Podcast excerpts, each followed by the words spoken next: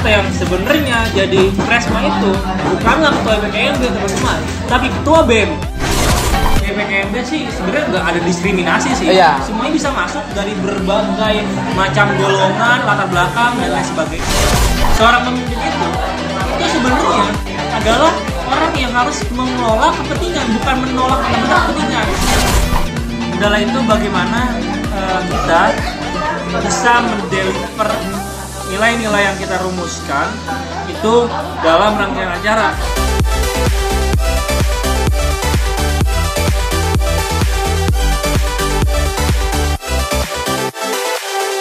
Hai selamat malam kalian semua. Gimana kabarnya? Semoga selalu baik-baik saja dan dalam kebahagiaan. Ya malam ini eh, hari Jumat. Hari Jumat, eh hari Sabtu. Hari Sabtu gue ditemani sama seorang bintang tamu spesial lagi yang pasti mungkin kalian udah pada kenal semua ya di kalangan IPB karena orang ini cukup fenomenal dan cukup memegang jabatan waktu itu di IPB. Nah hari ini kedatangan tamu bernama Majid Siregar. Yo, Eh, siapa nama panjangnya? Muhammad Majid Oh, Muhammad Majid Siregar. Muhammad Nah, Majid Firman Siregar. Siregar. Nah, dia ini adalah mantan ketua MPKMB dan beberapa kali juga sempat di BEM ya, di BEM Gue di BEM, gue di BEM BEM waktu itu. dia di BEM FEM. Nah, oke. Hari ini gue akan ngomongin tentang MPKMB dan nanti gue juga akan ngomongin tentang personal branding yang Oh. iya bisa diulik Oh, dari tema- seorang tema tambahan nih kan. Iya, seorang Majid ini karena spesial menurut gua ini eh, harus dibagikan ke teman-teman semua dan semoga gua dapat hal-hal yang terbaik dan kalian semua dapat hal terbaik dari seorang Majid ini. Oke, oke. Nah, sebelum gua mulai pertanyaan-pertanyaan, gua mau tahu dulu nih kesibukan seorang Majid gimana nih hari-hari ini. Oke, biasalah. Sekarang gue udah tingkat akhir, jadi sibuk penelitian. Jadi kepada para pendengar podcast Rehat Sejenak, mohon doanya pas penelitian ini gue bisa lancar lah, data dan lain sebagainya bisa fit dan lain sebagainya. Nanti pas ada undangan seminar datang. Iya, siap siap siap didoakan Terus gue juga ya lagi sibuk juga jadi duta IPB. Oh iya, oh iya duta IBB ya Allah lupa. Promosi ke dede-dede emas SMA gitu lah. Itu aja kayaknya yang paling menyita waktu gua. Oke siap. Nah itu tadi udah perkenalan singkat dari Majid dan gue langsung akan nanyain tentang MPKMB sendiri. Nah Jid kebetulan lo kan pernah jabat jadi ketua MPKMB di 54 54 Lima, ya, 54. 2017 2017. Nah eh, menurut lo menurut lo apa sih MPKMB dan dan apa ya, dan kenapa waktu itu lo daftar jadi ketua MPKMB?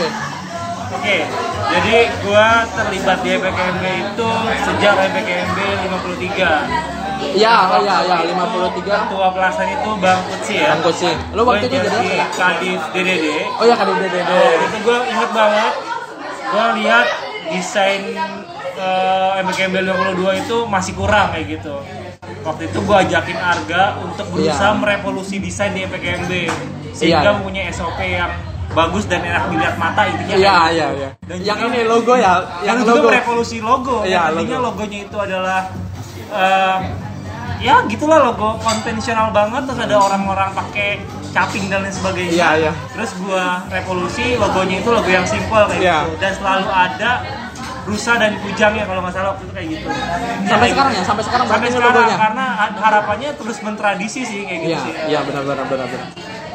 Nah itu dia, abis itu eh, lalu ada oprek tuh ketua MPKMB 54 kan, Iya. abis gua kelar jadi kadif kan. Hmm.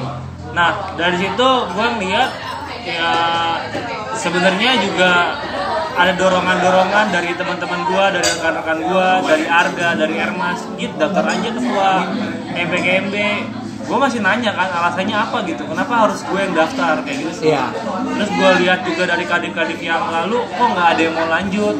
Nah itu kan menurut gue tanggung jawab gue eh, untuk ambil bagian karena memang sudah ada yang meminta gue untuk maju seperti itu. Oke. Nah habis itu gue nemuin nemuin alasan, oke, gue menganggap MPKMB ini adalah ladang kebaikan yang memang potensial gitu untuk di sana kita menyuruhkan kebaikan-kebaikan yang memang kita yakini. Iya, iya. Karena memang eh, di sana kita mengelola 500-an panitia dan juga menyambut 3000 mahasiswa baru Iya, seperti iya. itu Alek.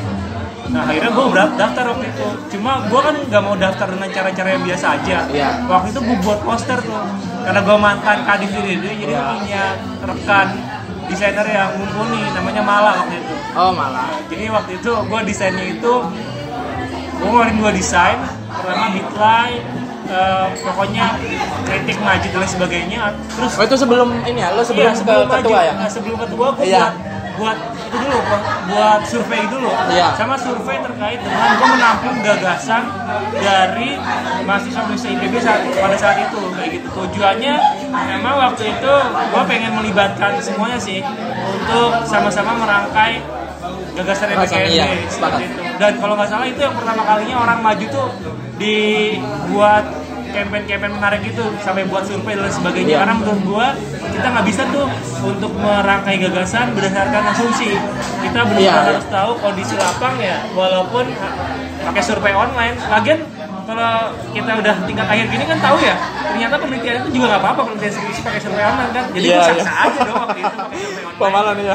Gitu kan ya waktu itu yang survei lumayan banyak ada 300 orang lah gua ambil sampel waktu itu eh, anak-anak bekas MPKMB 53 dalam artian mahasiswa baru angkatan 53 gue ingin tahu tuh Oh yang peserta, berarti oh ya peserta. gue pengen tahu waktu iya. itu hasil evaluasi dari mereka tuh apa aja kayak gitu Hmm. karena gue pengen tahu kondisi aktualnya tuh dari mereka tuh bagaimana Iya. itu. karena gue gue punya kondisi ideal ya Iya, itu iya. yang gue benturin sehingga nanti gue lihat ada gapnya nah gap Iya. itulah yang nantinya jadi gagasan gue Iya. waktu itu makanya gagasan gue waktu itu adalah berkembang berkolaborasi dan berdampak Iya. kayak gitu ya Itu yang yang hal ya. Dan tadi satu pertanyaan belum dijawab sebenarnya. gue lupa MPKMB menurut lu itu apa? Nah, jadi kalau menurut gua, MPKMB itu adalah gerbang awal Iya. kepada mahasiswa baru nih. Nah, sesuai gagasan gua untuk berkembang, berkolaborasi dan berdampak kayak gitu. Karena kita aneh gitu ketika menganggap MPKMB ini adalah sebuah hal yang menyulap mahasiswa baru itu menjadi sesuatu enggak nggak bisa dalam lima hari mahasiswa baru itu jadi seperti apa yang kita inginkan atau Iya. jadi seperti apa yang memang uh, kita suguhkan dari profil-profil para pembicara. iya. Misalkan diundang, misalkan uh, Khairul Tanjung kan nggak mungkin dia langsung jadi Iya. pengusaha seperti Khairul Tanjung Iya. kan. Jadi MPKM itu sebenarnya cuma gerbang awal aja. Gerbang awal.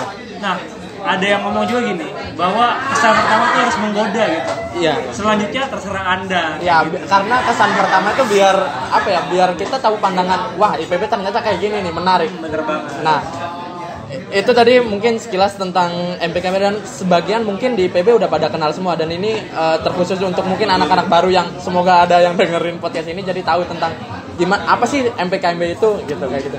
Nah, selain gue tadi nangkep gini Jet, selain eh, MPKMB ini adalah acara buat penyambutan mahasiswa baru, gue mau nanya, apakah ada hal yang dijanjikan buat panitia seorang panitia? Kenapa sih gue harus daftar panitia MPKMB gitu? Apa yang dijanjikan di situ? Jadi kalau gue lihat ya di IPB itu banyak banget organisatoris organisatoris yang nantinya memegang jabatan di tingkat 2, tingkat 3 atau tingkat 4 itu dulunya peneliti MPKMB. Menurut gue itu bukanlah suatu keheranan ya. Iya. Karena memang gue melihat di MPKMB itu walaupun singkat di sana tuh semua potensi itu bisa dikeluarkan kayak gitu. Karena tadi karena eh, di MPKMB kan soal pendanaan itu sebenarnya clear ya. Karena udah ada dari kampus kan ya. Oh, kalau eh, MPKMB semuanya berarti udah di cover sama. Nah, dari kampus. Oke. Zamannya Pak Heri itu memang dilarang untuk sponsorship. Cuma Oke. katanya zamannya di rezimnya Pak Arief nih boleh sponsorship kayak gitu. Sekarang. Sekarang. Oh. Jadi waktu itu udah aman gitu. Paling danusan-danusan itu untuk untuk dana di awal aja kayak gitu. Oh iya. Nah mungkin karena dananya itu sudah selesai, makanya dari segi penyelenggara- penyelenggaraan dan kreativitas tuh lebih bisa diakomodasi. Iya. Sehingga Karena kita nggak fokus ke masalah pendanaan Benar. tadi ya. Bisa lebih ke kreasi-kreasi Iya, dan lain sebagainya kayak gitu. Dan gue lihat kenapa sih panitia MPKMB itu worth it dan bisa jauh mengembangkan diri. Iya. Karena gue lihat nggak tahu ya bedanya apa dengan kepanitiaan lain Iya. emang ada sih di MPKMB itu yang kabur-kaburan dan nggak berkomitmen itu ada, Ada. satu dua dan sebagainya cuma nggak signifikan jumlahnya lebih banyak orang-orang yang berkomitmen dan merasakan kekeluargaan kalau gue lihat karena emang pertama adalah ya dasarnya manusia ya ketika menyambut gimana ya lu kan kebanyakan masih eh, yang menjadi panitia MPKMB itu adalah mahasiswa tingkat pertama ya yang dia tuh baru masuk IPB gitu masih ada pride-nya sama iya, iya. IPB kayak gitu kan ya Masih semangat semangatnya kepanitiaan. semangat gitu dan waktu itu ya ketika mereka masuk jadi panitia MPKMB dan nyambut mahasiswa baru tuh mereka kayak pengen kenalin wah gua nih eh, panitia lo nih gua ke, ke tingkat lu dan sebagainya dan juga mungkin ada motif-motif lain gua juga nggak tahu kayak misalkan ah ketemu dede dede emas yang Iya, cantik iya, dan iya, sebagainya iya. Nyari, Biasanya nyari, kalau nyari. yang masuk-masuk PJ kan kayak gitu tuh Kan dulu PJ kan Lek? PJ kalau kayak gitu lah motifnya. Salah duanya kayak gitu. salah duanya kayak gitu Salah duanya kayak gitu. Iya kayak gitu sih kalau menurut gua dan eh, memang tadi karena memang dari sumber pendanaan itu sudah terjamin kreativitas tuh bisa bertumbuh gitu Iya. Misalkan dekorasi gue ngerasain banget soal dekorasi itu kita bisa segila-gilanya dekor gitu mau buat kerajaan di atas panggung GWW itu Iya. juga bisa kayak gitu Berarti gini, setiap divisi uh, ngeluarin berapapun budget berapapun itu boleh di kepanitiaan. Nah memang nanti ada budgetingnya kayak gitu. Oh, ada dia oke. kontrol dari pihak bawahnya. Biar apa? Biar nggak bocor anggarannya. Karena memang jadi panitia MPKM itu terkenal eh, banyak merchandise-nya kayak gitu. Iya. Lu nggak bayar nih kepanitiaan nih. Terus ada merchandise kayak misalkan kaos polo kalau zaman gua iya. banyak tuh. Kaos polo, terus tas, Iya, iya. gantungan kunci dan lain sebagainya kayak Iya. gitu sih. Itu kayaknya udah mulai eh gue nggak tahu sih di setiap tahun ya kayaknya pasti setiap dapat gitu ya. tahun harusnya ada kalau pengelolaan uangnya benar. Iya. Kayak gitu. oke. Eh, gue cukup eh ini nih gue penasaran sama budget tadi masalah budget nih untuk MPKMB sendiri sekelas MPKMB berapa aja eh jangan kalau lu nggak mau nyebutin taksirannya berapa kira-kira budget itu ka- kasih ini aja deh sebenarnya transparan aja sih karena memang tidak ada yang menutupi Oke. Nah, dana itu memang dianggarkan satu miliaran lah sekitar Satu gitu. miliar? Waduh, cuma memang kepotong-kepotong pajak kan biasanya emang ada pajak kan ya Iya. Nah, nah itu jadi 900 jutaan kayak gitu itu zaman gua sih iya gua tahu Satu- gua satu space miliar. makin di sini tuh berapa kan kita nggak tahu ya tergantung pak rektornya mau ngelepas dana berapa gitu. Oh. Ya tergantung ACC dan sebagainya Iya. karena anggaran. Iya. Satu miliar. Lumayan juga itu buat kepanitiaan ya. Tapi kayaknya paling gede emang di ini ya? Dia apa Eh, maksudnya di PB kepanitiaan paling gede dan membutuhkan biaya paling Ya jelas Jadi- paling banyak donor ya PKMB karena tadi nyambutnya itu buk gini, yang disambut itu bu gini, yang disambut itu bukan sekedar tamu gitu. Iya, Kita iya. kalau nyambut tamu itu kan wajib Iya, ya iya. melayani. Ini yang disambut itu adalah keluarga baru. Karena mereka bukan cuma lewat 4 tahun di PB, tapi ketika jadi alumni masih statusnya alumni PB Iya, iya. kayak gitu. Iya, iya. Walaupun di HA gitu Iya, ya. benar, benar, Jadi harus meriah lah kayak gitu sih kalau menurut gua. Nah, tadi eh, kalau di angkatan eh di angkatan di pas waktu lo jadi ketua sendiri eh, apa yang pengen lo upgrade waktu itu dari kepanitiaannya? Ya jadi kalau waktu itu gue melihat memang MPKMB itu adalah kepanitiaan yang memang eh, periodik ya. Jadi Iya. pesertanya itu selalu berbeda ya nggak Iya. sih? Panitianya bisa beda, ada yang sama juga. Biasanya ada yang dua kali kayak gitu. Kayak kasusnya kayak Oh iya, kali ah, gitu. iya. Nah jadi waktu itu kalau gue lihat sebenarnya gue cukup bersyukur sih di MKM 53 itu ada post event survei. Jadi gue bisa tahu tuh acara-acara mana aja atau agenda-agenda mana aja yang memang impactful atau agenda-agenda mana saja yang harus diperbaiki kayak gitu. Iya. Dan dari situ gue evaluasi-evaluasi kegiatan dan dari sana gue tambah-tambahin tuh beberapa terobosan-terobosan kayak misalkan gue konsisten dari MPKMB 53 untuk semua hal itu koheren. Gue ngomong waktu itu gagasan gue koheren gitu. Hmm. satu hal dengan hal yang lainnya nyambung, Nyambung. makanya waktu gue jadi ketua Iya. jadi ketua MPKMB 54 waktu itu gue minta anak acara tuh buat narasi gitu. Narasi kayak cerita kayak gitu. Jadi antara anak acara dan sebagainya itu ada narasi layaknya novel gitu. Jadi kan nama-nama kelompok besar tuh ada ya Oh oke, ada ya ya nama-nama ya besar nama-nama kan besar. nah nama-nama kelompok besar itu waktu itu gue pakai nama-nama hewan-hewan endemik kalau nggak salah yang ada di 50 besar yang Indonesia gue juga lupa Hewan hewan lo kenapa lo kenapa milih nama hewan-hewan lebih. Jadi kan Di- emang- bentar di angkatan kita dulu apa ya? Eh kita pulau kayaknya. pulau pulau Kita pulau, di angkatan kita pulau. Pulau. Terus di angkatan selanjutnya, siapa ya lupa gua gua lupa pokoknya lek intinya gua pakai nama hewan kenapa lo milih itu? Kenapa lo milih nama hewan? kesatria ini kesatria itu Eh, ya nggak lo kenapa? kenapa Kenapa? gua milih nama hewan Iya. jadi memang kalau gua lihat eh, MPKMB ini kan sebenarnya adalah sebuah langkah penyatuan mahasiswa baru yang memang IPB itu itu menyeleksi mahasiswa baru tuh nggak tanggung tanggung kayak gitu bukan cuma dari wilayah Jawa aja Iya. konsentrasinya tapi Iya. dari seluruh Indonesia Iya. karena IPB itu punya eh, punya instrumen SNMPTN yang memang sudah berdiri sejak zamannya Pak Andi Hakim kayak gitu. Hmm, hmm. Ini gue sebagai duta IPB jadi tahu nih jalur seleksinya si IPB ini Iya, kayak iya. gitu. Nah jadi kalau lu tahu eh, kuota SNMPTN itu di IPB selalu lebih dari kampus lain. Kenapa? Karena IPB itu sudah punya track record masing-masing SMA sejak dahulu kala. Kan dahulu kala IPB sudah pakai sistem rapot kayak Hmm. Iya, gitu iya, sih. iya. Nah di setiap SMA itu namanya peringkat akademik atau perak. Nah makanya IPB masih berani nih. Kayak misalkan sekarang nih kuota minimal dari Ristek Dikti itu cuma 20% tapi IPB masih pasang target 40% berani kayak gitu karena IPB itu percaya dengan sistemnya kayak gitu. Iya, tidak iya. akan ada yang memang curang dan sebagainya. Karena ada penilaian itu Oh, dari evaluasinya oke, kayak gitu. oke. makanya menurut gua gagasan-gagasan dari tahunnya Kak Panji ya di EPK Iya. 2 yang kita ikut itu Hmm. yang Indonesia banget terus Kak Usi juga Iya, Indonesia iya, banget iya. Itu nah gue juga pengen Indonesia banget kayak gitu yang mewakili setiap pulau tapi perlambangnya apa waktu itu gue hewan kayak gitu sih Iya. Oh. nah dari cerita hewan itu tadi gue mengembangkan tiap eh, kelompok besar itu ada kerajaan dan sebagainya jadi ada unsur cerita yang Iya, iya. bersambung dan semuanya nyambung gitu Iya kayaknya Instagram lo pas waktu lo juga iya kayak cerita gitu, banget. pokoknya, gua, pokoknya ada storytelling dan lain sebagainya Iya, iya. gitu makanya di PKMB gue tuh bukan cuma di atas panggung itu ada ceritanya Hmm. ada kolosalnya tapi melahirkan novel Oh ya. ada komik juga webtoon Oh, seriusan oh iya iya iya. Iya gue Ya, gue jadi tahu gue tahu. Ada Gua ada tahu. narasinya seperti Iya. itu. Dan waktu itu gue juga eh, agak menerobos sih. Iya. Karena waktu itu di zamannya Kak, Kak Panji, Kak Kutsi atau sebelum sebelumnya, gue nggak tahu sih.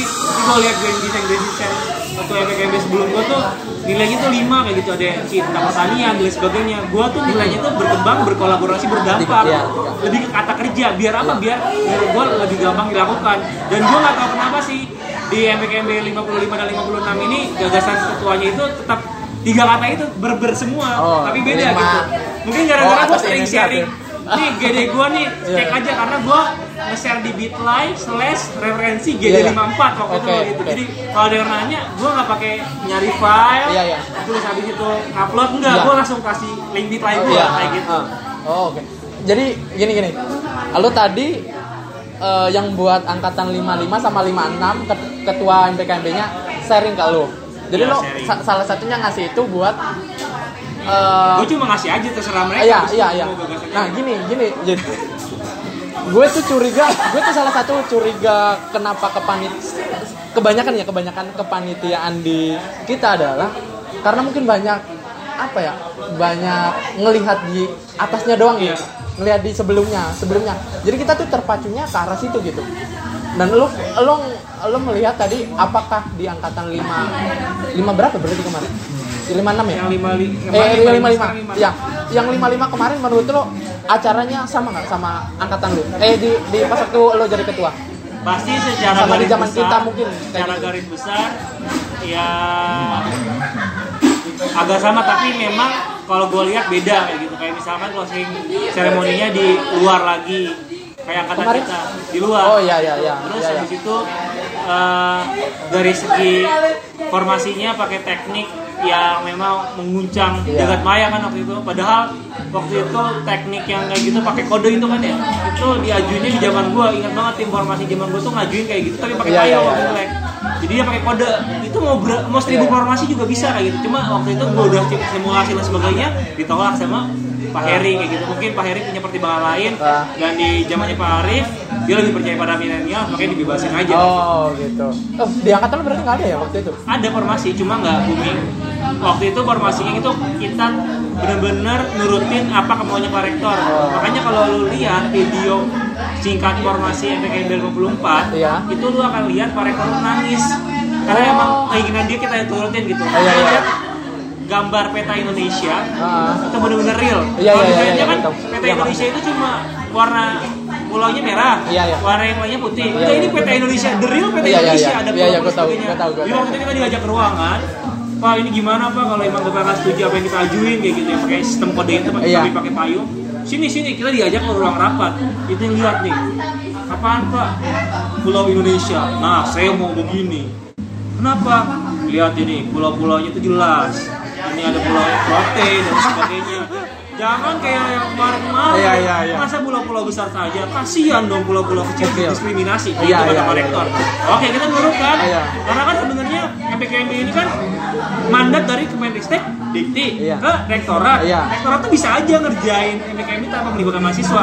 Tapi dia nurunin ke PR1. Iya, iya. Terus ke Ditbawa ke mahasiswa gitu. Makanya gua apa kata Pak Rektor udah ya gua udah ngajuin yang terbaik dan sebagainya tapi Iya. kan ketika dia sudah final ya mau nggak mau kayak gitu sih. Tapi gini, di suatu kepanitiaan itu pas misalnya lo berhadapan sama rektorat, Hah? apa kalau lo nggak bisa ngelawan? Nah, terkait dengan eh, adu gagasan, jadi pasti ada perbentukan tuh. Ada gagasan dari mahasiswa, ada juga dari rektorat. Iya. Nah, kalau menurut gua eh, pada saat itu kita harus benar-benar sama-sama eh, cari titik temunya kayak Oh, gitu. titik temu. Nyebut nyebut Iya, merek karena, ya. karena gini leh, karena sebenarnya eh, ketika kita menjadi pemimpin yang berada di tengah nih, MPKM itu pemimpin yang ada di tengah tuh, nggak kayak presiden yang sebenarnya dia menguasain gitu, dia Iya. seharusnya nggak dikontrol orang orang lain gitu misalkan, dia tuh di tengah-tengah gitu, dia itu sebenarnya under controlnya rektorat kayak gitu, Hmm, oke. dana dari mana? Rektorat. ya. rektorat gitu. ini kan acara harus Iya, terselenggara benar. anda kalau misalkan berontak acara terselenggara tujuan duit. pertama itu sudah gagal gitu anda sebagai ketua pelaksana sudah Iya, gagal iya, iya, iya. makanya ketika kita punya pemikiran ketika kita punya sesuatu hal yang ingin misalkan kita rubah atau kita ingin kita ajukan ya salah satu caranya adalah audiensi gitu Iya.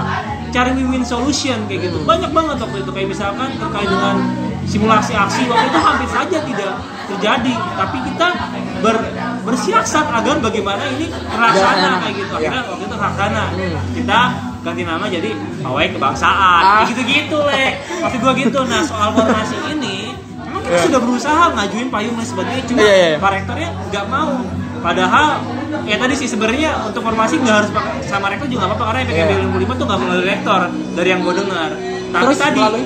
Tapi tadi karena Pak Heri ini menurut gua dia kan sudah berkuasa lama ya iya. sudah lama menjadi Dua- rektor dan dua periode sebagainya mungkin dia punya leadership yang kuat ya strong, Nah. strong leadership jadi dia ingin sekali itu di masa-masa akhir kepemimpinannya kalau gue lihat sih sesuai keinginannya kayak gitu karena iya. gue sampai di telepon sampai di sms dan gue mengerti bahwa oke lah ini gue harus kasih ke Pak Rektor karena memang Iya. Persembahan terakhirnya dan emang di konten acara di GWW waktu itu pas closing ya PKMB Hmm. itu gue ada persembahan ke Pak Rektor ngasih bunga press Oh. pas 10 tahun yang menjabat di rezim Pak Heri kayak gitu sih Iya, iya, iya. Oke, oke, oke, oke, sip, sip, sip. jadi intinya sih saling nyari win-win solutionnya kayak gitu Nah. harus sama-sama enak karena tadi ini mahasiswa juga dikasih Iya. untuk jadi panitia Iya, iya, iya. Kita juga butuh Iya. cuannya Iya, siap. Nah, kayak gitu sih Kalau kayak kan? itu nggak harus nggak bisa harus lancar ya. harus Nggak- bisa lancar. Nah, eh, saran lo nih, saran lo buat eh, kepanitiaan di sekarang kan tadi kan eh, ada pasti ada hikmah kan ada hikmah yang harusnya bisa diambil di MPKMB nah buat ke- buat panitia-panitia yang baru nih apa saran lo biar dia tuh bisa maksimal memanfaatkan segala sesuatu yang ada di MPKMB ini di kepanitiaannya Oke, nih untuk teman-teman panitia MPKMB 56 nih, Iya. mungkin lagi seleksi nih ya. ya Jadi siapa pun yang terpilih, manfaatkan kesempatan menjadi panitia MPKMB itu dengan sebaik-baiknya. Iya. Karena gue denger nih dari Darkit ketua yang terpilih, Iya. katanya ada seribu pendaftar nih. Mungkin yang oh seleksi, seri- itu yakin seribu pendaftar itu? iya iya, oke, oke, dari zamannya Putri, zaman gue seribu terus. Itu ya benar. Gue nyelat dikit. Itu nggak pernah ada penurunnya. Enggak yang Seribu daftar panitia. ya? Yang yang pendaftaran panitia nggak pernah nurun. Di angka seribu terus lagi. seribu paling menurun dari zamannya Bang itu seribu seribu zaman gue seribuan lah Iya. seribu lima ratus sih sebenarnya gue di Oh. Google home ya gue takut double aja makanya cuma iya. seribu lah Oh, paling aman oke, oke. terus zamannya idam itu gue nggak tahu berapa tapi kayaknya kalau nggak 900 ya seribu lah Oke, masih nyentuh di situ ya. Ah, di- terus sekarang seribu Iya, kabarnya oke. kayak gitu Berarti Artinya masih kan stand. pilih Iya, iya. sekitar 400-500 kan Iya, itu iya. kan satu banding dua Oke. nah amat tidak bersyukur ketika anda dipilih dan dipercaya menjadi ketua eh, ketua MPKMB staff di MPKMB 56 anda tidak memaksimalkan itu dengan sebaik-baiknya kayak gitu karena yakinlah teman-teman nih pasti nih pernah ikut yang namanya la- latihan dasar kepemimpinan kan Oke. Nah di SMA pastinya Iya, kan, iya, iya. itu kan pasti teori-teori aja kan, ataupun kalau misalkan ada praktikal itu cuma games. Iya, nah ini di MPKMB nih waktunya cuma sebentar, tapi teman-teman bisa meng use tem- diri teman-teman eh, itu untuk lebih berkembang kayak gitu. Dengan cara apa? Dengan cara memang ketika ada targetan-targetan besar itu jangan khawatir eksekusi aja bareng-bareng. Iya, oke, lampaui skill teman-teman kayak gitu. Misalkan nih teman-teman yang desainer yang selama ini misalkan desainnya itu pakai free pick atau cuma nyontek dan sebagainya Iya. coba beraniin diri desain pakai style sendiri kayak gitu. Itu bisa banget dan pasti berkembang. Banyak kok testimoninya dari panitia-panitia sebelumnya. Iya, iya. atau misalkan yang suka ngedit video misalkan selama ini ngedit video pakai template. Iya, itu coba iya. biasain sekarang pakai sendiri kayak gitu karena ya lebih worth it dan lebih ada pembelajarannya kayak gitu Iya, iya. sayang lima bulan dilewati begitu saja tanpa pembelajaran Ah, oke oke oke. Oh, ini berarti punya lu ya tadi ya? Ya Allah, gue minum. Sorry, sorry. Eh, eh, sam- oke, lanjut lagi. Nah, tadi udah eh, saran yang saran buat kepanitiaan yang baru ya. Dan dengar-dengar nih ada apa sih namanya suatu masalah di 5 6 eh di kepanitiaan 5 5 6 sekarang nih. Lo tahu nggak, Jit? Iya jadi gue kemarin Kira-kira. sih gue dapat laporan juga eh, bahwa selama sekian hari pendaftaran Iya. itu yang daftar tuh baru dikit kayak Baru- gitu Oh, sampai gitu. Waktu itu gue juga diminta bang buat tulisan dan sebagainya gue buat kan Oh itu yang menuin menu-menuin pendaftar. ini ya Nah, timeline nih. kalau gue lihat tulisan-tulisan di era sekarang tuh lebih banyak jadi Iya, iya. memang untuk memberitahu bukan kita promosi acara atau gimana ya karena memang panitia-panitia itu nulis dengan ketulusan hati gitu share-share fotonya juga foto-foto lama yang memang disimpan kayak gitu Iya, iya, iya. fotonya kan, Nek, ya? Iya, iya. itu emang pengen ngasih tahu teman-teman adik-adik 56 tuh bahwa ini worth it sayang banget kalau yang dapat tuh cuma dikit kayak Iya gitu. iya. kayak gitu sih kalau menurut gua jadi waktu itu kita saling bahu bahu buat tulisan gitu Iya, iya. hal yang mungkin tidak bisa kita jumpai di kepanitiaan kepanitiaan lainnya ada angkatan lo emang nulis? Eh di pas waktu lo yang jadi ketua lo nulis juga? Ada tulisan-tulisan kayak gitu? gua sih Enggak ya? minta cuma kadit-kadit doang tapi kalau Oh, ini iya. Ini top semuanya ya? sebagai Iya, hampir semuanya semuanya. kayak gitu Iya, karena memang melihat adik-adik 56 ini kok masih dikit yang daftar di Iya. beberapa hari Iya. emang di akhir April langsung ngepuh Nah ya gini tadi eh, berarti gini Jit kan ini tadi sampai buat tulisan kayak gitu karena ada yang belum daftar nih Ah. banyak yang belum daftar nah artinya ada penurunan? Artinya ada penurunan dong kenapa sampai yang orang-orang anak angkatan 55 ini nggak mau daftar 50 ya Iya 55 ya yang daftar sekarang jadi Oke. kepanitiaan alasan yang gue denger ya Lek, ya iya Jadi memang waktu itu sih kalau kita lihat pendaftarnya pas UTS, maka Oh, bisa oke. bisa jadi alasan juga sih. Gue UTS bang, tapi Iya. kan daftar itu nggak cuma nggak sampai 15 menit gitu. oh iya iya, iya. Lu kayak nggak UTS belajar itu malamnya dah. Oh, oke. Nggak seharian Iya. juga kan bisa. Berarti nggak ada masalah di ini ya, nggak ada maksudnya kalau nggak dari itu bukan excuse sih. nggak dari ke- Ah. masalah di kepanitiaan kemarin. Bukan, bukan. Oke. Terus habis itu ternyata katanya alasannya liburan gitu. Emang sih gue ya lihat emang jadwalnya agak berubah kan. Iya iya. iya. liburan ini cuma ya, pastinya nanti liburan itu sama aja kayak panitia sebelumnya gitu gak jauh beda yakin gua terus kenapa nggak pada daftar nah makanya waktu itu pada buat tulisan kan Iya, iya. gua juga buat tulisan judulnya seribu pendaftar gitu gua Ah. nyebut angka aja gitu Oh. biar ada target juga Iya, biar ada iya. biar ada hal yang bisa di achieve Iya, sama iya, iya. teman-teman eh, yang sudah terpilih jadi panitia kadit-kadit kan Iya iya. itu ikut bantu Darkit ya untuk iya. daf- pendaftaran ya gitu sih jadi kalau gue lihat alhamdulillah di akhir Iya. itu achieve juga seribu Iya, iya. orang dan memang mungkin dari uh, teman-teman angkatan 55 perlu diyakinkan dan alhamdulillah semoga teman-teman daftar itu benar-benar yakin sehingga Iya. ketika terpilih benar-benar komitmen gitu. Iya iya iya. Nah, oke. Nah, sekarang gue pengen ini yang nanya yang lebih dalam lagi nih. Ini lebih Boleh, dalam. boleh, boleh. Agak kontroversial juga. nih. Boleh, boleh. Nah, sebenarnya ini udah hampir kayaknya setiap orang-orang di IPB kayaknya udah tahu deh masalah ini. Eh, orang-orang di IPB pada sebenarnya ada yang ngerebutin posisi di ketua MPKMB karena ketua MPKMB ini adalah Nanti jadi nah nanti jadi bakalan naik naik ke depan Saya bisa jadi tidak. bisa bisa jadi presma nih ya saya tidak jadi presma. Misalnya awalnya kayak gitu nih, awalnya orang-orang pada rebutan ketua MPKMB nanti di fakultas dapet lah ketua. Saya bukan ketua BEM. Nah, gimana anda Gini, gini. menanggapi soal itu? Eh, Biar nggak salah kaprah juga nih ya Iya, teman-teman. iya. Jadi gini teman-teman semuanya ya. Eh, kalau kita lihat nih, Kak Kutsi, Kak Panji, mereka ketua MPKMB Iya, dan mereka Resma kan. iya, Nah itu mungkin di zaman sekarang tuh menjadi sebuah pola kayak gitu. Padahal kalau kita tahu ketua BEM KN yang ada nama angkatan berapa sih? Kadana 49 49 ya. 49. Kan dia bukan ketua MPKMB, dia wakil ketua tiga. Maksud gue bukan ketua MPKMB lah. Eh masih ada lah ya. Maksudnya maksudnya masih ada wakil ketua gitu kan. iya sih. Iya, iya. Iya, Cuma iya. kan bukan ketua MPKMB Iya, ya iya. sih? Oke, oke, oke. Nah, dan jadi kalau waktu itu gue juga pas pemira didorong-dorong jadi presma nyalon dan sebagainya, menurut gue kalau alasannya cuma gara-gara pola itu ya salah karena kalian cuma lihat pola beberapa tahun gitu. Coba lihatnya dari jangka waktu yang lama. Oh, iya, iya. Nanti akan kelihatan trennya. Ternyata tidak seperti itu. Iya. Ternyata yang sebenarnya jadi presma itu bukanlah ketua BKMB teman-teman, tapi ketua BEM. Boleh kita lihat Oh polanya. iya. Kalau itu kalau itu udah iya, kalau itu udah pasti, udah pasti. Karena ketua BEM, Oke. Oke. Udah tracking aja coba. Oke, udah- jadi nah buat teman-teman nih yang maksudnya yang masih ada pikiran eh, buat yang jadi mau jadi presma melalui jalur eh, ketua MPKMB kayaknya eh, sal- salah ya kayak bisa bisa di gue bisa prediksi di- nih ya, misalkan Idam nih, Idam Iya. kan selama ini berkarir di legislatif.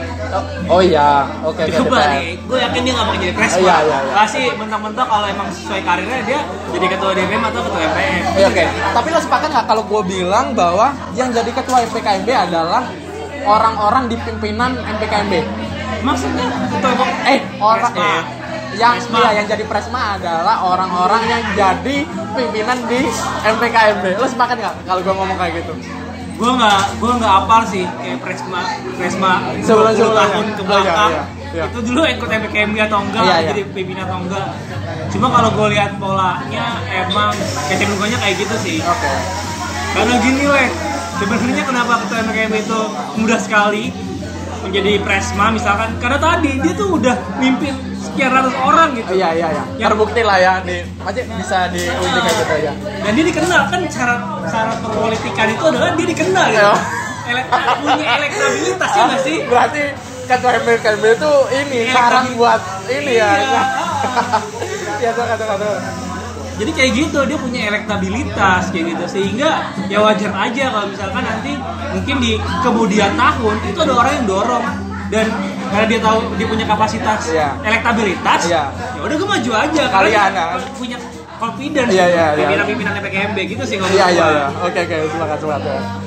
Nah tadi berarti eh, banyak hal-hal yang mungkin eh, masih salah kaprah ya di teman-teman semua kalau masih ada yang pemikiran kayak gitu. Nah ini langsung kita dengerin dari mantan ketua MPKMB yang Yang gak jadi nyalon ya, yang gak nyalon jadi presma. Nah waktu itu gue juga merediksi, wah ini bakalan maju nih kayak ba- bakalan ngincer Presma nih, soalnya kelihatan dari dia maju dari lu jangan lu maju jadi ketua MKMB, kayaknya tinggal sedikit lagi nih nyentuh di Presma ya ternyata enggak kan, berarti ya salah satunya agak terbantah. Tapi eh, tadi yang masalah di pimpinan gue masih ada sedikit ini sih, sedikit kecenderungan bahwa orang-orang yang memimpin yang berpengaruh lah istilahnya di MPKMB kayaknya bakalan bisa naik karena tadi dia udah elektabilitasnya di Iya, MPKMB udah kebukti. Nah, Terus eh yang kedua, yang pertanyaan kedua dari orang dari anak-anak juga nih. Yang Apa ben, apa benar sih orang-orang di MPKMB pimpinan di MPKMB ini adalah didominasi oleh orang-orang sebelah? eh orang-orang sebelah. Jadi ada apa? dua. Iya perjelas, benar benar. Jadi jadi gini teman-teman. ya jadi gini teman-teman di IPB itu jadi ada yang orang-orang yang benar-benar aduh, gimana ya ini gue nggak tahu juga ini bener, bener apa salah. Gue cuma cuma me- membuat opini aja nih membuat opini aja. Karena di IPB itu cenderung ada dua jadi ada dua jalan nih. Ada yang sebelah kanan ada yang sebelah kiri. Nah, gue nggak tahu kiri. nih Oke, gue nggak tahu gue nggak tahu. Ya Iya, sebelah iya. kanan itu biasanya di gol eh, golongan orang-orang yang aki-aki ukti-ukti. Nah golongan yang kiri itu orang-orang yang, eh, gimana ya progresif revolusioner lah kayak gitu, gitu, gitu lah pemikirannya beda lah pemikiran kiri pemikiran kanan Iya, iya, nah gue dengar. Hmm, nah gue dengar eh, banyak opini dari anak-anak juga bahwa MPKMB ini cenderung dikuasai oleh Hmm? yang sebelah kanan gimana menurut bapak Kalau gua lihat sih memang lihat aja dari sekdiv sekdiv dan lain sebagainya. iya kan. apakah itu udah Memang mereka kan gitu panjang dan sebagainya. Apakah sudah direncanakan atau enggak? Gua ketika jadi ketua PKMB, gua tuh punya prinsip bahwa yang kita pilih ini adalah yang punya kompetensi kayak Iya. gitu. Makanya lu periksa ada sekdiv gua yang nggak pakai hijab gitu. Oh, oke. ente, tapi sekarang sudah berhijab. iya iya oh. Nah, berarti tidak ada paksaan, tidak ada paksaan. Itu kesadaran diri sendiri dan sudah ada jab lama sehingga dia berhijab itu. Oke, jadi iya, tidak iya. langsung dari MPK Iya, iya. berhijab, Lek. Iya, iya. Tidak. Jadi eh, kalau gue lihat sih memang eh, sebenarnya ini tergantung ketua panitianya seperti itu. Dia itu berpihaknya pada apa? Oh, itu gue nilainya karena kualitas kayak gitu. Oke, oke. Walaupun dia tidak berkualitas, ya nantinya bisa gua ganti yang lebih berkualitas. Oke, oke. Ada mekanismenya kalau dia MKM kayak gitu. Nah, jadi namanya ada callback dan sebagainya lah. oh iya Nah, terkait dengan apakah dikuasai atau tidak, nah silakan teman-teman menilai aja nih dikuasai atau tidak. Tapi kalau menurut gua di situ bukanlah konteks yang harus dipermasalahkan, Mas. iya iya iya Karena memang kita tuh harus melihat semuanya dalam kacamata merit system. iya Nih, merit system itu adalah sebuah sistem yang di mana menepati orang-orang yang punya kemampuan tuh di urutan terdepan atau dia punya jabatan gitu. Iya, iya. Karena memang dengan kemampuannya dia pantas untuk mendapatkan itu. Nah, kalau memang nanti teman-teman kita entah dia latar belakangnya apa dan dia tidak membawa hal-hal yang bersifat golongan atau pribadi ke sesuatu hal yang Iya. menjadi jabatannya tapi lebih dedikasinya untuk IPB dan juga untuk mahasiswa baru bagaimana disambut dengan baik udah dia pantas untuk terpilih sih kalau Iya, iya. gue kayak Iya. gitu jadi nggak mau lihat bagaimana penampilannya kalau gue Iya, sih iya. pribadi kayak gitu dan tapi kalau misalkan kita lihat sekarang polanya seperti itu dan sebagainya ya mungkin memang dari teman-teman kan memang di IPB itu ada lembaga dakwah ya iya memang secara terbuka mereka juga ada semuanya kayaknya di universitas juga ada mentoring, lembaga Depan. Iya, ada mentoring dan sebagainya yang ngajak mentor-mentornya misalkan ya untuk berbuat baik dan berlomba dalam kebaikan. Mungkin dari sana mereka terpacu untuk daftar PKMB gitu. Mungkin juga dari mentor-mentornya dulu uh, pada PKMB misalkan kamu daftar aja uh, di sana karena memang di situ adalah ada kebaikan untuk kamu misalkan menyebarkan kebaikan-kebaikan gitu. Misalkan kalau misalkan Islam kan bisa ngajak sholat, sekedar ngajak Iya. sholat itu baik dan sebagainya. Itu sih kalau menurut gua kayak gitu. Cuma eh, di PKMB sih sebenarnya nggak ada diskriminasi sih. Iya. Semuanya bisa masuk dari berbagai macam golongan, latar belakang dan lain sebagainya. Iya. Itu sih kalau gua. Oke oke siap siap sepakat. Nah tadi nah, masih mungkin yang di pikiran teman-teman yang masih ada kayak gitu, gue juga nggak tahu sih sebenarnya pola pemikiran kayak gitu itu dibentuknya dari mana? Apakah dia emang waktu itu kebetulan? Mungkin kebetulan eh, ngelihat di pas waktu jadi kepanitiaan MPKMB eh, ada orang yang berkualitas nggak masuk. Misalnya misalnya. Nah, itu Nah, kebetulan. Oh itu itu salah. Iya, harusnya masuk Nah. kalau berkualitas. Cuma kan ada beberapa Jit waktu itu. Kayaknya sih ya, kayaknya. Gue gue sempet denger Jit. Ini benar-benar sempet denger. Yang gini. eh, di untuk yang jadi, misal waktu itu gue di PJK ya, di PJK. Zaman saya. Iya iya iya. Oke. Nah tergantung dari pemimpinnya juga nih kayaknya. Tadi itu gue gue, gue tuh nangkepnya gini dit. Kayaknya semua itu juga tergantung dari pemimpin kan. Artinya mungkin ada pemimpin ini yang condong ke kanan atau condong Ya, di ke kiri, ada di tengah-tengah saja. Karena gini, sebenarnya pemimpin itu ketika dia sudah jadi pemimpin publik nih, Iya. dia mau dari golongan kanan kiri. Iya, harus masuk semua. itu bukan masuk semua sih Iya, intinya dia harus mengakomodasi berbagai kepentingan untuk kepentingan yang lebih maslahat jadi Iya. menjadi seorang pemimpin di tengah-tengah itu apalagi di eh, pemimpin politik oke lah kalau misalkan PKB itu terkait atau beririsan dengan politik kampus sehingga dia punya polisi posisi yang politis banget Iya, sih iya. kepentingan-kepentingan itu bisa masuk Iya. nah seorang pemimpin itu itu sebenarnya adalah orang yang harus mengelola kepentingan bukan menolak benar-benar kepentingan mengelolanya Oke, gimana sepakat, sepakat. misalkan Gua- datang nih oke. kepentingan Iya, iya. difilter jadi gini dia tuh punya keterpihakan dan dia dimasuki oleh disusupi oleh kepentingan-kepentingan nih Oke. dan kepentingan-kepentingan itu kan dari mana aja tuh Iya ya. dari sana sini kanan kiri tengah bawah atas kan Iya. ya tapi dia punya keterpihakan gua dulu ketika jadi ketua PKB keterpihakan gua satu lek Apa? pada mahasiswa baru bagaimana mahasiswa baru bisa mendapatkan bisa merasakan PKB yang memang berkesan kayak gitu Oke, iya ya. segala kepentingan yang masuk gue timbang apakah sesuai dengan keterpihakan gue dari mana aja gue timbang? Misalkan dari rektorat. Oh sesuai. Masuk. Oh masih ada kurang sesuai. Gue sesuaiin dulu. Terus kayak misalkan dari berbagai macam misalkan dari lembaga dakwah git tolong misalkan nanti sholat tepat waktu baik kan Oke. karena baik Iya, dan gue terpihak sama mereka Iya, iya. merasakan FPKMB yang memang berkesan dan juga nyaman Ah. kan ada juga uh, teman-teman dari angkat uh, mahasiswa baru yang harusnya sholatnya tepat waktu gitu kalau enggak mereka merasa kecewa dengan Iya, penyelenggaraan sebuah yang udah oke siap Iya. nanti bantu kita ya misalkan ada anggota-anggota lembaga dakwah itu ada jadi pada iya nih Iya. ya udah tolong dong uh, nanti berkolaborasi kita tolong nanti uh, diarahkan ini bagaimana caranya itu soalnya tepat waktu gitu-gitu sih lah kalau menurut Ada berarti ya? Ada. Ada. Ada yang maksudnya titip kepentingan gitu pasti ada Nah, tapi tadi sebagai ketua pelaksana Iya, itu harus bisa menimbang apakah kepentingan-kepentingan ini itu bisa sesuai dengan keterpihakan kita gitu Iya, iya. untuk menyelenggarakan MPKMB yang aman, nyaman, dan juga berkesan bagi mahasiswa baru. Iya. Tadi kriterianya bisa di breakdown lagi gitu, gitu sih. Iya iya iya iya. Yang nggak boleh tuh gini, misalkan uh, gue nitip nih, tolong nanti ini dikasih subliminal subliminal message bersama satu terhubung Iya. agar dia memilih presiden. Ini nggak Oh, boleh iya, itu iya, boleh. iya. langsung tolak itu. Iya, langsung Udah, injek- maju, injek injek Dadan maju langsung stop. iya stop kayak gitu. Itu nggak boleh. Kalau yang masih baik-baik tuh terima kayak gitu. Iya. misalkan eh, dari teman-teman yang misalkan eh, organisasi mahasiswanya atau perubahan mahasiswanya syarat dengan diskusi Hmm. minta di PKMB itu ada diskusi-diskusi yang memang mengutamakan dialektika kalau itu baik Oh, ya iya. udah masukin maksudnya gitu sih kalau Iya iya. menurut gue Oke, oke. Nah iya benar. Gue tadi nangkep gue gue gue nangkep omongannya si Majid gini. Ini buat semuanya ya, bukan buat ketua MPK aja, ketua MPKMB aja. Jadi buat semua ketua gue harapkan juga sepemikiran sama Majid. Jadi artinya kepentingan jangan sampai ditolak mentah-mentah. Dikelola. Yang penting adalah pengelolanya yang baik. punya keterpihakan gitu. Oh, iya. Jadi kan pemimpin di tengah nih. Iya. Kepentingan masuk nih. Pemimpin itu sebagai filter. Iya. Tapi dia punya tujuan. Nah, tujuan itu keterpihakan dia. Iya. Gue udah jelas keterpihakannya. Kepentingan masuk buat gue filter dulu. Oh, Iya. sesuai. Masuk. Sesuai masuk kok enggak gue tolak gitu. Oke siap siap.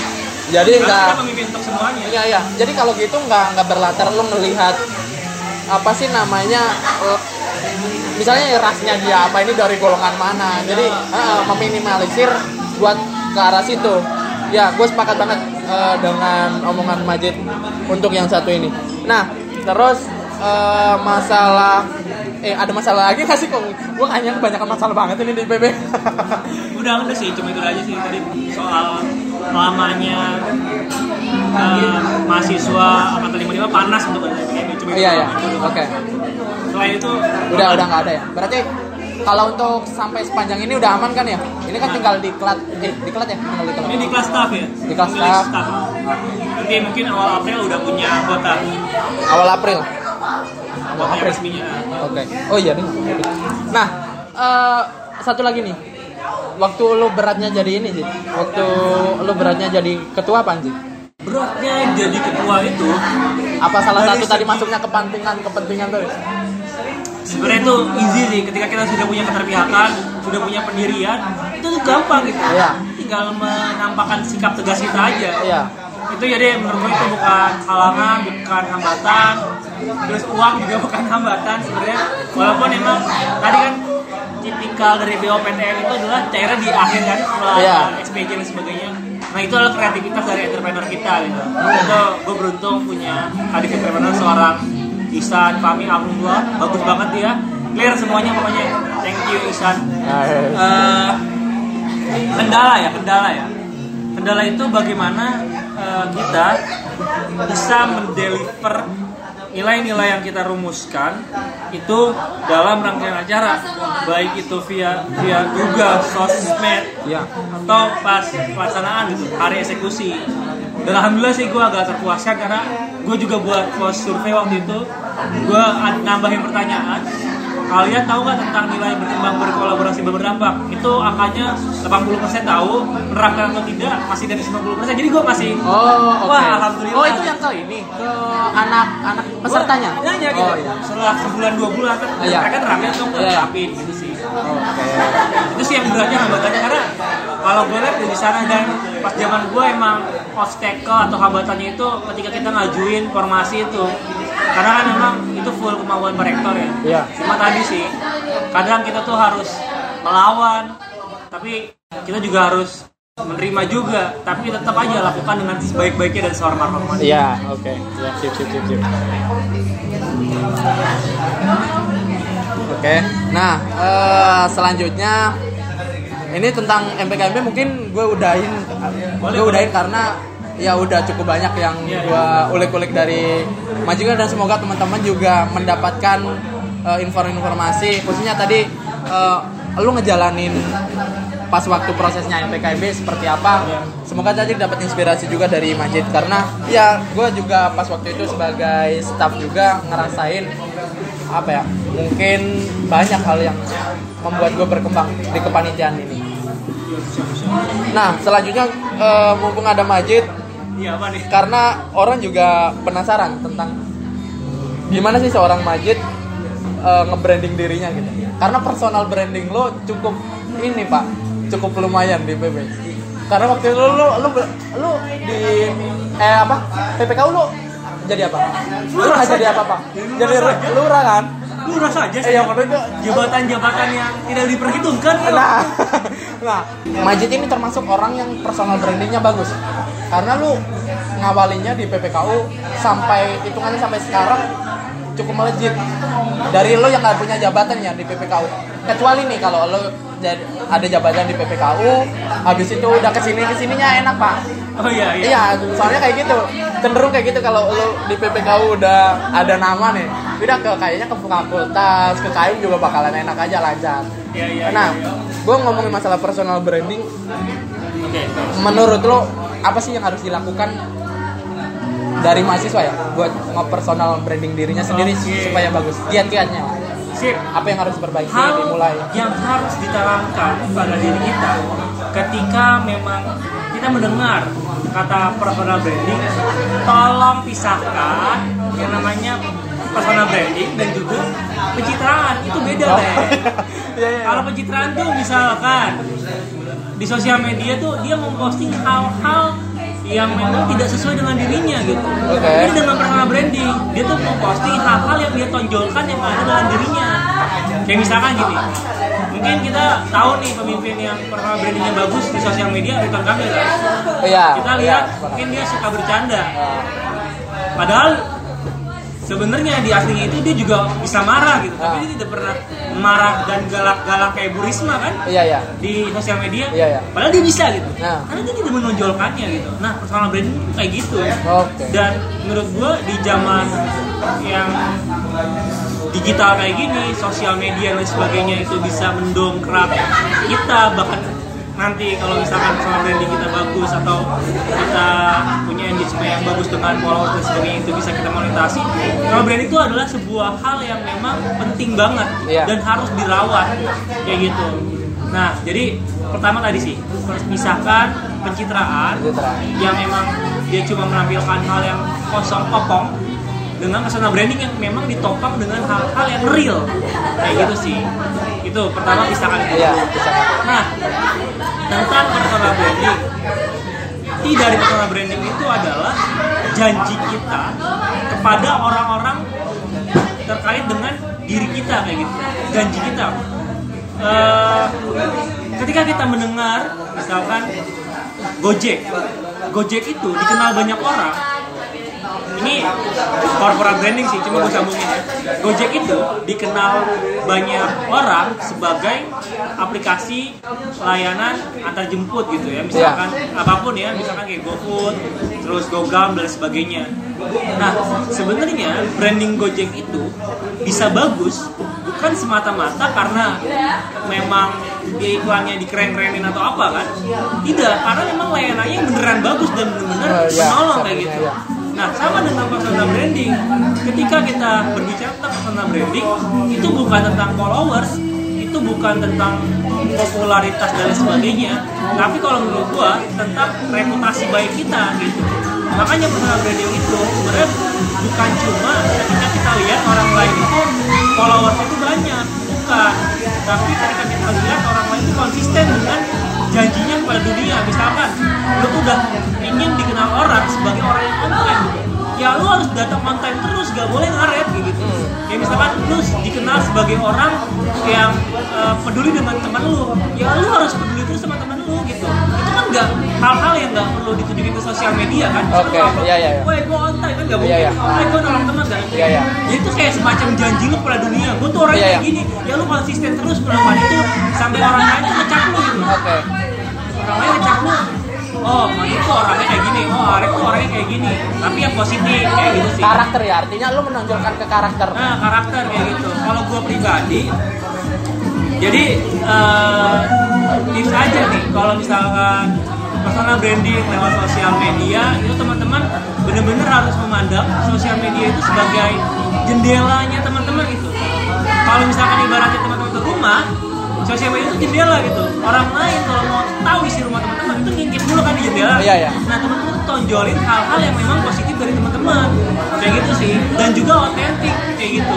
Misalkan nih teman-teman di sini uh, punya bakat nyanyi punya bakat desain atau suka traveling tonjolin aja di feed Instagram itu tadi oh suka traveling Oh, oke, iya, iya. suka nyanyi dan sebagainya Iya, kayak iya. gitu. Karena itu penting banget sih. Iya, iya. dan satu hal ketika teman-teman uh, ingin mencoba personal branding teman-teman tuh harus yakin teman-teman itu adalah tem- apa yang teman-teman niatkan gitu bukan orang apa yang orang lain persepsikan walaupun sebenarnya personal branding itu bermain dengan persepsi orang lain Iya. tapi di sini teman-teman yang ingin gue tekankan adalah teman-teman tuh nggak boleh berhenti cuma gara-gara nyinyiran orang lain kayak gitu karena Atta Halilintar 12 juta subscriber nambah ya gue Iya, tahu. benar, benar, benar. Itu dia cuannya banyak dia kaya dia dinyinyirin orang yang nyinyir tidak kaya kaya dia kaya gitu dan dia Iya, impactful gitu iya, iya. dan menurut gua di sini adalah bagaimana kita bersikap bodoh amat terhadap hal-hal negatif dari diri kita Iya.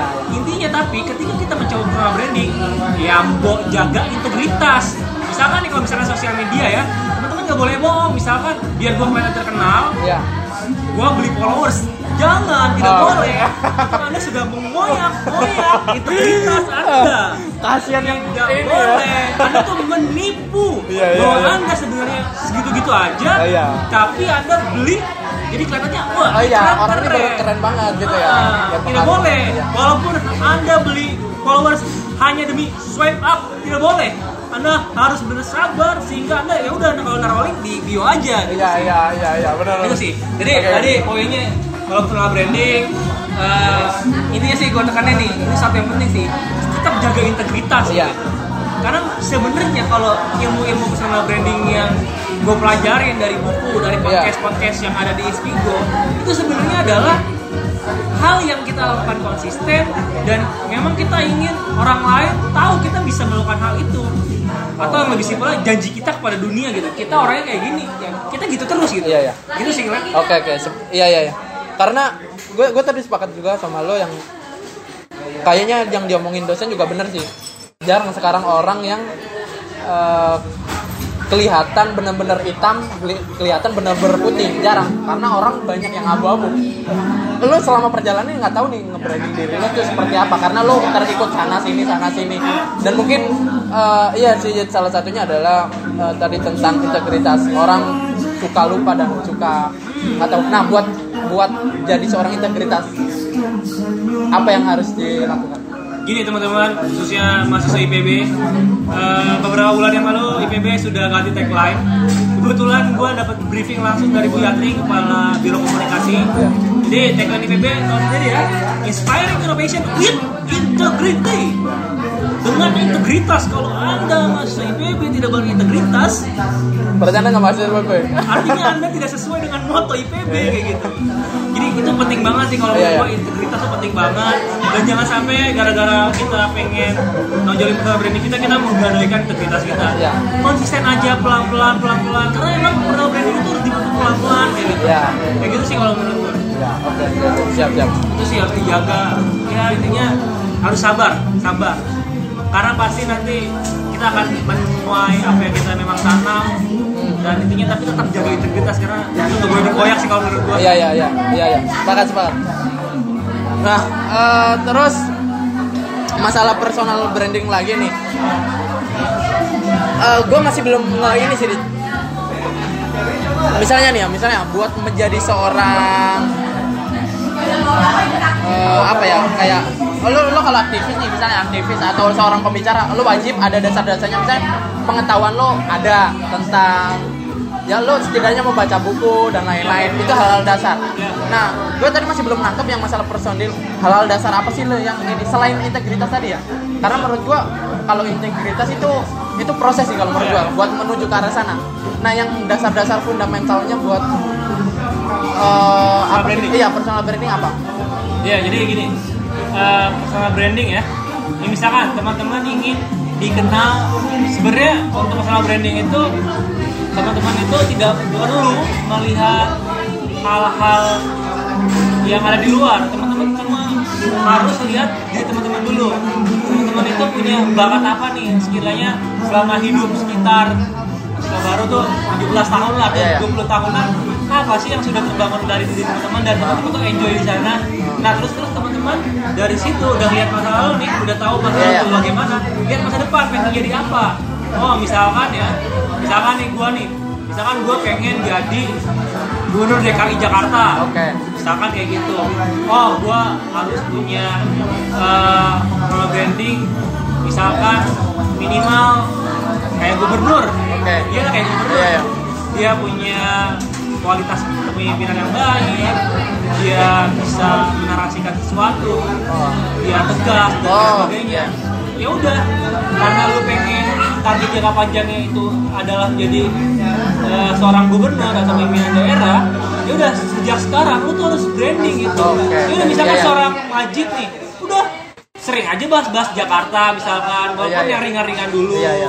posting-posting tentang Jakarta kayak gitu misalkan terus habis itu ya ikut-ikut organisasi-organisasi yang di sana kita bisa take lead dan lain sebagainya kayak gitu dan kita misalkan juga uh, selalu mengasah kemampuan public speaking kita kayak gitu. Jadi lama-lama tuh kita terus itu masih lama jadi gubernur misalkan udah nanti ketika kita sampai saatnya ya orang lain ya sudah percaya dengan kita sudah trust dengan kita Iya, iya, iya. branding Iya. kita kuat gitu ya. Oke, jadi intinya adalah eh, yang menjadi eh, dasarnya adalah kita lihat masa lalu dulu Ah. misalkan gue lihat masa lalu wah gue sering nih jadi kepala-kepala di organisasi gitu Iya. gue cenderung ketika di dalam suatu kelompok ditunjuk jadi ketua nih walaupun itu gue ditumbalin gitu Iya. ah gue punya bakat jadi pemimpin Lalu kita lihat masa depan oh, gue tertarik jadi gubernur ya udah saat ini kita lihat modal kita apa keinginan kita apa itu yang kita branding gitu Iya, sih. oke. oke. Ah.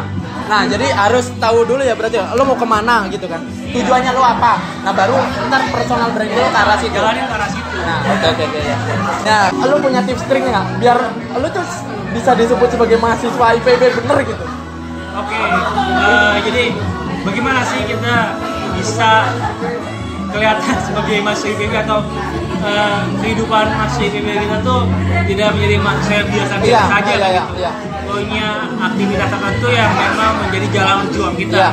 Nah, pertama adalah teman-teman harus kenali dulu nih, kenali diri teman-teman itu sebenarnya tuh bakatnya apa gitu, punya modal apa dan tujuannya apa lagi-lagi ke arah sana Lex Oke. misalkan teman-teman ingin uh, aktif di organisasi ya udah aktiflah di organisasi tapi ketika aktif di organisasi jangan setengah-setengah kayak gitu tetap Iya. baca eh, baca sekitar eh, baca-baca lingkungan sekitar terus baca-baca buku dan sebagainya sehingga ketika teman-teman organisasi tuh omongannya tuh berbobot Oh iya, kayak iya, gitu iya, iya, iya. Nah, terus misalkan teman-teman di sini ingin jadi mahasiswa yang berbisnis ya jangan setengah-setengah kayak gitu. Bisnis aja sekalian itu yang sih yang gue pelajarin. Teman-teman jadi kayak jadi penggerak sosial ya udah buatlah gerakan sosial dan jangan setengah-setengah di sana kayak gitu sih kalau gue. Dan intinya adalah kalau gue lihat sih eh, mahasiswa-mahasiswa IPB pesan gue sih jangan sampai pas kuliah ini temennya cuma sedikit Oke, masalah. karena itu yang membuat kita jadi mahasiswa biasa aja teman kita cuma lingkaran kita aja gitu misalkan teman kita tuh cuma ya teman kelas tapi radiusnya itu cuma sedikit Iya. gitu jangan sampai karena sebenarnya kesuksesan itu nggak ditentuin dari IPK kita tidak Itu link ya? dari link kita seriusan link itu adalah kunci betul-betul. Satu lagi orang dalam. Ah, orang dalam. Sebenarnya orang dalam itu konsekuensi dari seorang ini iya. punya link gitu, punya relasi. Iya. Jangan salahkan orang ini karena Anda tidak membangun relasi sama Iya, dia. oke, Anda oke. hanya hanya hanya percaya dengan diri Anda dan Anda sombong untuk tidak bergaul dengan siapa-siapa. Makanya nih, ini mumpung IPB itu ekosistemnya bagus untuk menambah relasi di asrama, di Oh, iya. kelas PKU dan sebagainya. Itu dipupuk gitu, dipupuk eh, di maintenance terus misalkan sering berkabar ada snapgram teman kita di kalau dia ulang tahun diselamatin atau kalau misalkan dia juara di planning atau misalkan dia keluar negeri di woi minta oleh-oleh dong ini sekedar nyapa-nyapa kayak gitu nggak sih Iya, iya. tadi oh oh dia masih peduli sama gua nih bukan sekedar lihat snapgram gua atau acuh-acuh dan sebagainya gitu sih gua. iya, iya. itu sih kalau menurut gua di sana karena ketika kita menambah pergaulan menambah relasi ada peluang-peluang sehingga wawasan kita banyak insight-insight kita bertambah dan semoga dari sana kita nggak jadi mahasiswa-mahasiswa yang biasa Iya, aja oke, iya, sip. Udah, ini terakhir pertanyaan titipan sebenarnya dari teman gua. Karena karena lo duta dan IPB ini kan baru berubah nama nih, Jit. Iya, berubah nama. Iya. Sebenarnya apa sih yang dipengenkan sama IPB atas itu? Menurut lo atau lo pernah dengar dari orang-orang itu? Tahu Ya, nah terus apa sih sebenarnya yang dibentuk? Apa yang mau dibentuk sama IPB ini setelah pergantian nama itu? Dan yang tadi yang dibentuk, yang pengen dibentuk sama IPB buat mahasiswa-mahasiswa IPB itu? Oke, jadi gini Lek. Uh, BB University Inspiring Innovation with Integrity. Iya, siap duta. Nama dan tagline yang baru. Iya, Dulunya Institut Pertanian Bogor, Iya. Indonesia-nya. Mencari dan memberi yang terbaik. oke. Sebenarnya sekarang masih Pertanian Bogor karena Nah. mengubah Pertanian Bogor tuh susah banget.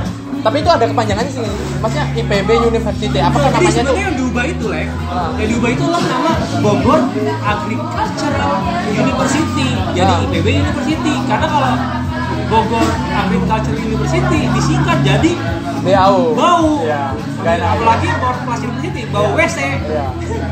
Nah kayak gitu sih. Jadi di sana poinnya. Yang diubah itu selama ini adalah baunya ini loh. Bau Oke. jadi IPB University gitu. Bogor Agriculture University jadi IPB University. University. Itu yang diganti, tapi terus-terus di branding. Tapi tetap namanya Institut Pertanian Bogor. Logonya itu nggak diubah, belum Oh, iya. diubah. Karena apa ya? Karena memang ya susah untuk ngubah itu. Iya, iya, iya. Itu namanya Iya, orang sangat ramah. Iya, semua masyarakat IPB itu pasti nggak ingin itu Iya. diubah gitu itu jadi branding kayak gitu sih. Jadi gue ngeliatnya ke arah sana tapi emang ada pembicaraan sejak zaman dulu. Bahwa IPB ini memang tidak hanya mempelajari pertanian Iya. tapi juga mempelajari yang lainnya. Sehingga sebenarnya juga pantas disebut universitas ya gitu. Nah, ada PEM Iya. ya paling belajar pertanian cuma diserempet-serempet doang kan. Lu gimana di manajemen? Lu di goal pertanian manajemen pertanian enggak kan? Iya, benar-benar. lebih ke korporat dan sebagainya kan? Iya. Ya, PMA juga ya. ke PMA, gizi dan sebagainya. Gitu sih. Eh, makanya katanya di sejak zaman Pak Andi Hakim memang sudah ada ke arah sana. Terus waktu itu katanya Pak Ari juga pernah ngobrol sama rektor-rektor sebelumnya kayak Pak Heri sebagainya. Dulu pas zamannya Pak eh, Andi memang ada ke arah universitas gitu. Bahkan pernah waktu itu sempat diajukan jadi UPB Universitas Pertanian Bogor. Cuma pada nggak setuju gitu. Oh, Pun pergantian yang sekarang itu agak mandek di jajaran senat akademik kan Iya. ya senat akademik Iya, iya, kan isinya eh, dosen-dosen kita yang memang sudah sangat berjasa karena sudah lama mengajar di IPB mungkin mereka punya pertimbangan lain kalau ini diubah begitu saja gitu. Hmm. makanya namanya tetap IPB University. Itu itu dicari jalan tengahnya sih Lek. Oh, karena memang waktu itu ada kekhawatiran kalau kita mau branding ini kacau semuanya. Cuma memang branding IPB yang sekarang itu itu pakai master branding yang itu merupakan alumni IPB vendornya Oh, oke. nggak usah gue sebut lah ya Iya, iya, oke, oke, oke. Uh, dan jadi kita, jadi uh, bapak-bapak kita yang di akademi itu percaya karena ini masih alumni IPB yang nanganin kan nggak mungkin jahat sama IPB Iya. kan makanya tadi IPB University Inspired Innovation Integrity dan itu tidak asal muncul itu berdasarkan kajian-kajian kayak Oh, gitu oke. kayak misalkan kenapa Inspiring Innovation karena IPB secara beberapa tahun berturut-turut menjadi kampus inovasi gitu kan IPB bukan lagi kampus rakyat Wadaw. Walaupun, walaupun IPB kampus rakyat itu nggak iya. usah disebut karena bidik misinya paling banyak di Iya, Indonesia. iya. Tapi IPB lebih sekarang dibranding kampus inovasi karena banyak inovasinya. Oh, berarti sekarang berubah ya? Maksudnya gini. eh, kan dulu kan orang kenal IPB itu Kampus kampus, rakyat. rakyat. Sekarang jadi kampus Branding inovasi. gitu. resminya kampus inovasi. Oh, sekarang gitu. Walaupun kampus rakyat sebenarnya kan itu cuma sebutan doang ya. Secara real orang menurut gua tetap sih ketika ada bidik misi itu banyak, Iya. ya itu kampus rakyat. Enggak, gitu. karena gini, gue dengernya karena dulu yang karena IPB kampus raya karena kan dia emang pasarnya waktu itu IPB dibentuk adalah untuk masyarakat-masyarakat kelas bawah gitu kan. Oh itu juga sampai sekarang. Iya. Gara-gara ada SNMPTN jadi bisa pelosok-pelosok kan. Iya, iya, iya. sampai sekarang kayak gitu loh tadi lebih ditonjolinnya lebih progresif lah Iya. itu kan kalau kita secara pitching membagi progresif konservatif itu gagasan konservatifnya kan Iya, iya. kalau progresif kan naik terus kan Iya, iya, iya. nah terus kayak misalkan eh, kenapa IPB University itu namanya jadi sekarang itu gagasan progresif juga Oke. karena kalau gagasan konservatif kan konservatif itu ingin seperti tradisi lama ya Iya nggak sih? Iya, iya. Itu hal itu kan bukan kayak negatif itu harus kita Iya, akui. iya. Nah, IPB IPB doang Iya. atau bau doang kalau masih kekal itu gagasan konservatif. Kalau Oh. IPB itu progresif gitu karena IPB namanya ingin di branding lebih modern kayak gitu. Apalagi gagasan Parekrut sekarang pertanian 4.0 dan lain sebagainya. Jadi selaraskan gitu namanya tuh modern tagline-nya lebih modern juga Iya. dan sebagainya dan tadi sih tagline itu sebuah janji jadi intinya IPB itu ingin lebih membuat inovasi-inovasi yang menginspirasi dan juga dengan integritas dengan Iya, iya. integritas Oke, oke. nah jadi karena gini pengakuan dari beberapa dosen bahwa inovasi-inovasi IPB itu emang ada inovasi cuma diterapin di masyarakatnya masih kurang Masih kurang ya. Sepakat jadi sini itu. ingin diperbaiki dari kualitas risetnya jadi lebih ke problem base gitu berdasarkan problem bukan berdasarkan kita pengen duit buat apa Oh gitu iya. sih Yang berarti yang diincar sekarang adalah masalah inovasinya. Buat inovasi yang lebih berdampak gitu Oh, oke. jadi sehingga menginspirasi Ya, oke, oke. Sip, sip. Oke. Eh, udah sejam lebih. Iya, udah benar-benar udah sejam lebih gua udah ngobrol sama Majid dan gua udah cukupin aja kayaknya eh, pembicaraan ini, obrolan kali ini. Semoga sekali lagi berkesan buat teman-teman dan pembicaraan ini ada yang bisa diambil lah gitu. Nah, eh, terakhir buat Majid ada saran-saran buat eh, mahasiswa IPB secara keseluruhan. oke kepada teman-teman mahasiswa IPB karena mungkin sekarang gue tingkat akhir jadi gak punya kakak ya ada sih lima atau beberapa semoga cepat lulus ya kak Gue juga cepat lulus juga Amin, amin, amin, amin. Kerjanya lancar kalau usaha juga lancar. Amin, amin, amin. ya jadi pesan untuk teman-teman mahasiswa IPB eh, intinya adalah kita harus sadar bahwa kita ini adalah satu institusi sehingga semoga di era sosial media ini di era digital ini kita lebih banyak berkolaborasi ya gitu. Mungkin kita bisa saling kenal dengan teman-teman kita secara keseluruhan seluruh mahasiswa IPB namun pasti saya yakin ada rantai-rantai yang mengenalkan kita semua Amin, amin. kenalan ini kenalan itu dan sebagainya Ya. sehingga kita saling terhubung sebenarnya iya. dan di sana misalkan ada bisnis-bisnis baru anak IPB itu ya disupport gitu Iya, kalau iya. misalkan ada kejuaraan-kejuaraan yang anak IPB juga disupport. Kayak misalkan gue seneng banget Helvanda Putri Indonesia supportnya juga gede banget dari IPB Iya. walaupun dia TMB dan sebagainya mungkin gak banyak orang kenal juga dengan Helvanda sebelumnya Gua juga kayak untuk kenal. Helvanda eh, top 6 ya Oh, iya. Putri Indonesia banggain Sumatera Selatan sampai di Arab-Arab di Instagramnya lalu ya banyak intinya kayak gitu sih karena gue lihat sekarang trennya tuh udah tren orang-orang tuh pengen kolaborasi gitu Iya. Jadi, bareng CPB nih yang masih merasa harus berjuang sendiri berjuang bareng-bareng ya khususnya mungkin tetap pakai pada core kita lah pertanian. Kalau emang kita nggak kerja di pertanian minimal nanti kalau udah punya duit investnya di pertanian gitu sih. Itu sih intinya. Iya, iya. biar ada kontribusinya lah untuk pertanian Indonesia. Karena memang sektor pertanian ini adalah sektor yang tidak boleh mati. Karena sektor pertanian mati ya dunia ini mati gitu. Iya. karena kita butuh makan kayak gitu sih. Intinya kayak gitu teman-teman semuanya Eh, kepada mahasiswa-mahasiswa yang masih di tingkat 1, 2, 3, adik-adik tingkat 2 silakan berkembang, silakan temui jati diri kalian dan nikmati semuanya. Pokoknya eh, apa pun ada hambatan, hal rintang dan lain sebagainya ya udah pokoknya dihadapin aja. Pasti apa pun itu asal itu nggak bunuh lo itu bakal buat lo lebih baik dan lebih berkembang gitu. Dan untuk rekan-rekan anak-anak 52 selamat menuntaskan tugas akhir yang cepat.